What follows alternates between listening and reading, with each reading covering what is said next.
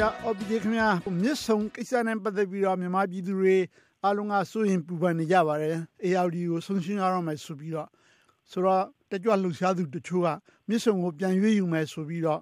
လှူရှားဆောင်ရွက်နေကြတာတွေ့ရပါတယ်ဆိုတော့ပါဝင်ဆွေးနွေးသူတယောက်အနေနဲ့ဒီ campaign ကိုတော်လေးအလားအလာရှိတဲ့ campaign ဖြစ်တယ်လို့ယူဆပါသလားဒီ campaign ကအဓိကကသူတို့ကတော့1ဒေါ်လာကိုပြောနေတာပါ1ဒေါ်လာကဟိုပါဟိုဘောတရားကိုပြောတာပါ အဓိကကဒေါအောင်ဆန်းစုကြည်တို့ NLD အစိုးရတို့ကဒီမြစ်ဆုံစင်နဲ့ပတ်သက်လို့တစ်ဖက်နိုင်ငံနဲ့စကားပြောတဲ့အခါမှာပြည်သူတွေဘက်ကဘလို့နည်းနဲ့ဖြစ်ဖြစ်ပေါ့ဒီနောက်ဆုံးဟို site ထုတ်ပြီးပြန်မယ်ဆိုတော့ site ထုတ်မယ်ဆိုတဲ့စိတ်ရှိတယ်ဆိုတဲ့သဘောမျိုးထောက်ပံ့တဲ့သဘောဖြစ်အောင်လို့သူတို့ဒီပွဲလုပ်ကြတာပါအဓိကအားဖြင့်ဒီမြစ်ဆုံကိစ္စနဲ့ပတ်သက်ပြီးတော့တချို့ပြောကြတာက တရုတ်နဲ့ မူလလှုပ်ထားခဲ့တဲ့ သဘောတူညီချက်မှာ ဘာတွေပါတယ်ဆိုတာကို ပွင့်လင်းမြင်သာမှု မရှိဘူး ပြည်သူတွေလည်း မသိရဘူးဆိုပြီး ပြောကြပါတယ် အဲ့ဒါကိုဘယ်လိုသဘောအဲ့ဒါတော့သိကြတယ်လေဟိုအခုကလူတွေကဟိုအရင်အစိုးရဆိုရင်တော့ သူတို့ပြောမှာပေါ့ အခုအစိုးရဆိုတော့ဒေါအောင်ဆန်းစုကြည်ကလူတွေက တော်တော်လေးဟိုချစ်ကြတယ်ဗျ ချစ်ကြတော့ ဒီဟာဒီသူကတိပေးခဲ့တယ်လေ သူချပြမယ်ဆိုပြီး ဒါပေမဲ့သူအခုသုံးနေရှိပြီးချမပြ နိုင်ဘူး သူကတော့မြင်ပြီးသားပဲဖြစ်မှာပါတော်စုနေတယ်လေ အဲ့ဒါအခုထိတော့ ချမပြတဲ့ခါမှာ ချမပြနိုင်သေးတာလေသူကမှအခက်ခဲရှိလို့ဆိုပြီးတော့ လူတွေက ခွင့်လွှတ်နားလေပြီးကြတယ် ကျွန်တော်တို့လည်း အဲ့လိုပါပဲ ဒါကြောင့် ကျွန်တော်ဘသူဘသူမှ အပြစ်မပြောတဲ့နည်းနဲ့ပဲ ပြောနေတာ တကယ်တော့ဟိုမြေစုံကို ပြည်သူက ရွေးယူကြမယ်ဆိုပြီး ပြောတာဆိုပေမဲ့ဘလောက်အကျွေးတင်လို့ တင်မှမှမသိတ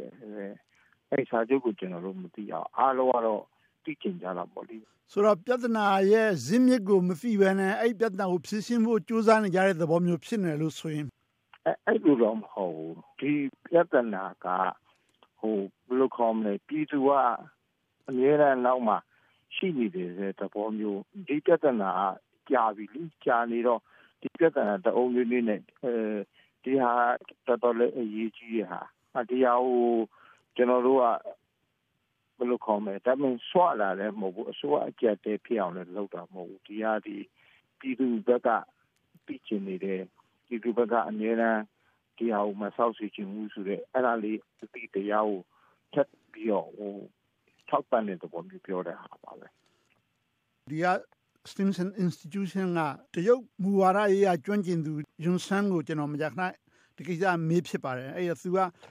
မြစ်ဆုံမှာတရုတ်ဘက်ကစိုက်ထုတ်ထားတဲ့အရင်းကြီးကအတော်ဝင်နေပြီဖြစ်တယ်ဆိုတော့တကယ်လို့ပြန်ရွေးယူမယ်ဆိုရင်တော့မှဒီအရင်းကြီးကိုပြန်ပေးနိုင်မှဖြစ်မယ်ထင်တယ်လို့တော့သူပြောဟုတ်ပါတယ်ဒါပေမဲ့အဲ့ဒီအရင်နှီးကိစ္စသာပဲလားသူရိမဟုတ်ဒီနိုင်ငံရေးကိစ္စတွေနဲ့များတစုံတရာဆက်ဆက်မိနေတယ်လို့ object ထင်ပါသလားအေးကျွန်တော်ကတော့အဲ့ဒီဟာကိုကျွန်တော်မသိဘူးသို့တော့အခုသူတို့ဆရာဦးတွန်းနဲ့တော့ဦးဆောင်ပြီးလုပ်တဲ့ပွဲမှာအဓိကက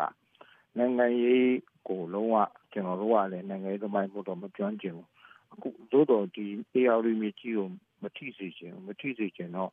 နိုင်ငံရေးကြောင့်ပဲဖြစ်ဖြစ်မယ်ဘာကြောင့်ဖြစ်မယ်အဲ့ဒါကြီးကျွန်တော်မသိဘူးတို့တော့ကျွန်တော်တို့ကဒီ ARD နဲ့ပတ်သက်လို့ရှိရင်တော့အမှန်တန်ချစ်တယ်ဟိုဆိုတော့တရုတ်ဘက်ကကျွမ်းကျင်သူပြောတယ်လို့ကျွန်တော်တို့တစုံတစတော့ကြားကြတာပေါ့ဒီဘလောက်ပမာဏဆိုတာမသိတာအဲ့လိုရွေးရမယ်ဆိုတော့ကျွန်တော်ပြည်သူတွေက ရွေးရမယ်ဆိုတော့စိတ်ကရှိရတဲ့သဘောပဲအဲဒါကြောင့်ဟိုနိုင်ငံရေးမှာပြည်ရည်ရှိရှိမှာပေါ့လေအဲ့ဒါကျွန်တော်မသိဘူးဗျဟုတ်တယ်နိုင်ငံရေးဆိုတာကျွန်တော်ဒီနေ့မှပြောနေတာကနိုင်ငံရဲ့အမျိုးသားရေးအကျိုးစီးပွားပေါ့ national interest ဆိုတော့ပြည်သူလူထုရဲ့သဘောထားနဲ့နိုင်ငံကိုစီမံခန့်ခွဲနေတဲ့အုပ်ချုပ်တဲ့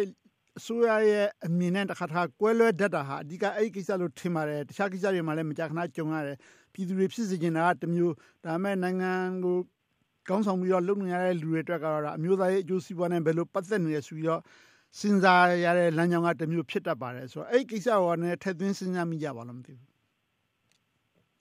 အဲစဉ်းစားစဉ်းစားမိပါတယ်အဲစဉ်းစားမိရဆိုတော့သူတို့ဥဆောင်သူတွေအနေနဲ့တော့မသိဘူးကျွန်တော်အနေနဲ့တော့စဉ်းစားမိပါတယ်ဟိုနောက်ပြီးတော့ classic ကိစ္စရောပေါ့နောက်နိုင်ငံရေးကိစ္စရောပေါ့သို့တော့သူတို့နိုင်ငံရေးရဘယ်လိုပဲဖြစ်ဖြစ်ပြည်သူကတော့ ARV မြစ်နေတော့မလဲကျင်းမှုဆိုတဲ့စိတ်ဓာတ်ကိုလည်းကျွန်တော်စိတ်ထဲရရှိရပါလေ။ ARV မြစ်ကိုတော့ကျွန်တော်တို့တကယ်နှမျောတော့ OPJ ကိုယ်တိုင်လည်းပဲအင်ဂျင်နီယာတယောက်ဖြစ်ပါတယ်ဒါကာတွန်းဆရာအမှုပညာသမားသာမကပေါ့လေ by profession အစတုန်းကဆိုတော့ဒီမြစ်ကတာတမန်တွေတီးဆောက်လိုက်တဲ့အတွက်ကြောင့်မြစ်ကြီးကလုံးဝကောသွားစရာတော့မရှိဘူးအဲ့ဒီကတော့ဆက်စီးနေမှာပေါ့ခင်ဗျာအဓိကအဖြစ်စီးနေမှာဟုတ်တယ်ဆိုတော့ဆိုရင်စရာကဒီ biodiversity တွေပြတ်မဲ့ဘာညာဆိုတာကလွယ်ပြီးတော့တခြားဘာများဆိုရင်စရာရှိပါလဲခင်ဗျာတိုင်းပြည်ရဲ့စီးပွားရေးနဲ့ဆိုင်ရင်အဲ့ဒါကျွန်တော်ကဟုတ်ကဲ့ပြောပါအဓိကဟိုကျွန်တော်တယောက်တည်းအမြင်ကတော့ဟိုကျွန်တော်တို့ဟိုဗမာမင်းတွေလက်ထက်တည်းဆဲရစောက်ခဲ့ကြတာပဲလေဆဲချောင်းကျူရီလည်းရှိပါတယ်တိုးတော့ဒီကောင်ကကျတော့မက်ဂါတင်ဖြစ်နေတာ哦မက်ဂါတင်ကတခုခုဖြစ်ကျွန်တော်မနိုင်ဟိုဆဲအပြီးတည်းနိုင်ရင်းတယ်ဒါကြောင့် ကျွန်တော်အမေရိကန်တည်းကိုကျွန်တော်မကြိုက်ဘူးနောက်တစ်ခုကကျွန်တော်တို့ကဒီဟာကိုစနစ်တကျတေချာတိုင်းတာပြီးတော့လုတ်တင်လားမလုတ်တင်လားအပေါင်းများစွာဒီအင်ဂျင်နီယာဘက်ကရောအိုလီဝတာဘက်ကရောရေချောင်းဘက်ကရောအကုန်လုပ်ပြီးမှဒီဟာကိုတေချာတက်ချရမှာအခုဟာသူတို့ချင်းနိုင်ငံလိုပဲ10နှစ်နဲ့50လေးလိုက်မှလုပ်တယ်ကျွန်တော်တို့ဟာကြတော့ဒီလာပိုင်းလေးနှစ်ပိုင်းလေးပဲတိုင်းတာလုပ်တဲ့အခါမှာနောက်တစ်ချိန်ကျတော့ sorry လို့ပြောလို့မရတဲ့ဟာမျိုးရှိတယ်။အဲ့တော့ဒါတရားကိုကျွန်တော်အိမ်တိမ်ဆောက်မယ်ဆိုတော့တေချာတိုင်းတာစဉ်းစားပြီးမှရေနေတာအောက်ကရေနေတာငလျင်နေတာရင်းနဲ့တက်ပြီးမှလောအောင်ပါဒီဟာကိုကျတော့ကျွန်တော်ကတက်ဆာမှုချိန်ဆမှုနေပါပြီးကမန်ကနလောက်ခဲ့တယ်လို့ကျွန်တော်ယူဆတယ်ဆိုတော့တကယ်လို့တရုတ်မဟုတ်ဘဲနဲ့သူတို့ထက်ပိုပြီးတော့တာဝန်ယူမှုတာဝန်သိမှုအပြည့်နဲ့ဒီဟာကိုစဉ်းစားချင်းချင်းလုပ်တတ်တဲ့အဖွဲ့အစည်းတစ်ခုနိုင်ငံတစ်ခုခုဆိုရင် ပူပြီးသဘောတူနိုင်ကြအကြောင်းတော့ရှိရပေါ့အဓိကကစနစ်တကျလုပ်ရင်တရုတ်ရမဟုတ်ပါဘူးဘယ်သူမှဆိုတော့အခုကလုပ်တဲ့နေကဟို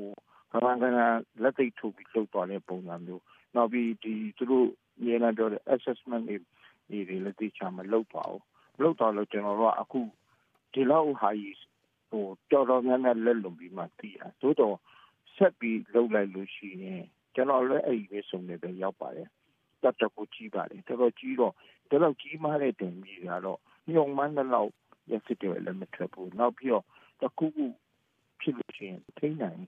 ကျွန်တော်တို့ဒီရိုးရိုးတန်းတန်းစိတ်လေးတီတောင်းကျွန်တော်တို့မိုးတအားများရင်မထိနိုင်လို့လှုပ်ချလိုက်တဲ့ကမှာပြည့်စည်ရှိခဲ့တာပဲအနည်းကဆိုပင်ချောင်းလည်းရှိခဲ့ပါလား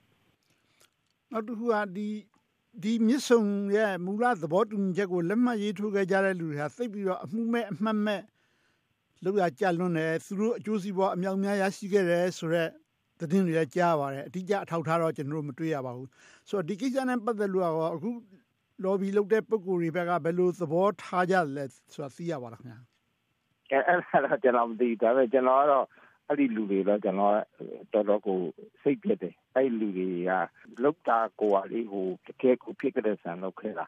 ကမန်ကနန်လောက်ခဲ့တာတွေ့တွေ့ကြရ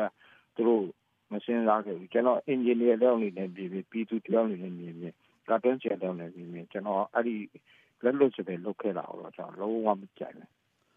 ဟုတ်ကဲ့နောက်ဆုံးမေးချင်တာကတော့ဓာသွားတဲ့ကလောင်သွားထက်တယ်ဆိုတဲ့စကားဖြစ်ပါတယ် OPJ ရဲ့ကလောင်သွားဟာမြန်မာနိုင်ငံမှာအတော်လေးထက်ပါတယ်လူတိုင်းသိကြပါတယ်ဒါပေမဲ့ဓာသွားတဲ့ထက်နိုင်ပါရဲ့လားခင်ဗျအခုလောလောဆယ်မှာအဲမထက်နိုင်ဘူးခင်ဗျဘာလို့လဲဆိုတော့ကျွန်တော်တို့ကဓာသွားဆိုတဲ့ အခုဆိုရင်ကလောင်သွားတစ်ဖက်မှာလည်းကိုဒီရွေးချယ်ထားတဲ့ဆိုရရှိသူ့မှာဘလို့ကဲကဲရှိဆိုတာမြေစုံပြသောလိုပဲတချို့ကိစ္စတွေကျွန်တော်တို့ဆိုရရဲ့ဒီလုပ်တဲ့အပိုင်းကျကျွန်တော်တို့ကပဲသိခွင့်ရှိမယ်အဲ့တော့ဆိုပါလေကျွန်တော်တို့ကဟို object ကလောင်တစ်ခုနေနဲ့ထောက်ပြလိုက်လို့ရှိရင် object ဆိုအောင်လေလူတွေကချစ်ခင်တဲ့အစိုးရကိုလည်းလူတွေချစ်ခင်တယ်တခါမဲ့ကျွန်တော်တို့ကလည်းဟိုကာတွန်းဆရာဆိုကာတွန်း ဆရာတယောက်အမြင်တခါလေးပြောလိုက်လို့ရှိရင်သူတို့အစိုးရရဲ့အလုပ်ကိုလည်းဘယ်လိုကောမဆိုသူတို့စိတ်နှောင့်ယှက်ဖြစ်သွားမှာလဲဆိုရယ်တစ်ဖက်ကလည်းကောလည်းဆရာတာဝန်ရစိတ်နှောင့်ယှက်ဖြစ်သည်ဖြစ်စေမဖြစ်သည်ဖြစ်စေပြီးသူပြောနေတဲ့ဟာကိုကျွန်တော်ထောက်ပြချင်တာလေးရှိတယ်အခုဆိုရင်ကျွန်တော်တို့ကအဲရှင်းပြောရင်တော့ဗျာဓာသွားလည်းခက်တာဘသူလက်ထဲမှာဓာရှိမှလည်းမသိဘူးဗျာအဲ့တော့ ကျွန်တော်တို့ကဘသူခုတ်လို့ခေါ်အောင်မှလည်းမသိတော့အဲ့ဒါအခုဟာဟိုတက်လည်းမကြီးရဘူး NLD လည်းမကြီးရတော့အခုကကလောင်သွားတော့လောလောဆယ်တော့တန်ကြီးတက်နေတာပေါ့ဟုတ်ကဲ့ကျွန်တော်တို့သတင်းသမားတွေကတော့တော်တော်များများထောင်ထဲကိုရောက်နေကြပါတယ်ဒါခုတ်ခံနေရတယ်ပေါ့လေကတ်တွန်းဆရာတွေထဲမှာတော့အဲ့လိုမဖြစ်သေးဘူးထင်ပါတယ်အဲ့ဒါတော့ကံကောင်းတဲ့သဘောပေါ့နော်ကံကောင်းလာမဟုတ်ဘူးလေဟိုဒီလိုပဲပေါ့အားအားကြောင့်ချိုးနေတယ်တော့ပဲဖြစ်ပါလိမ့်မယ်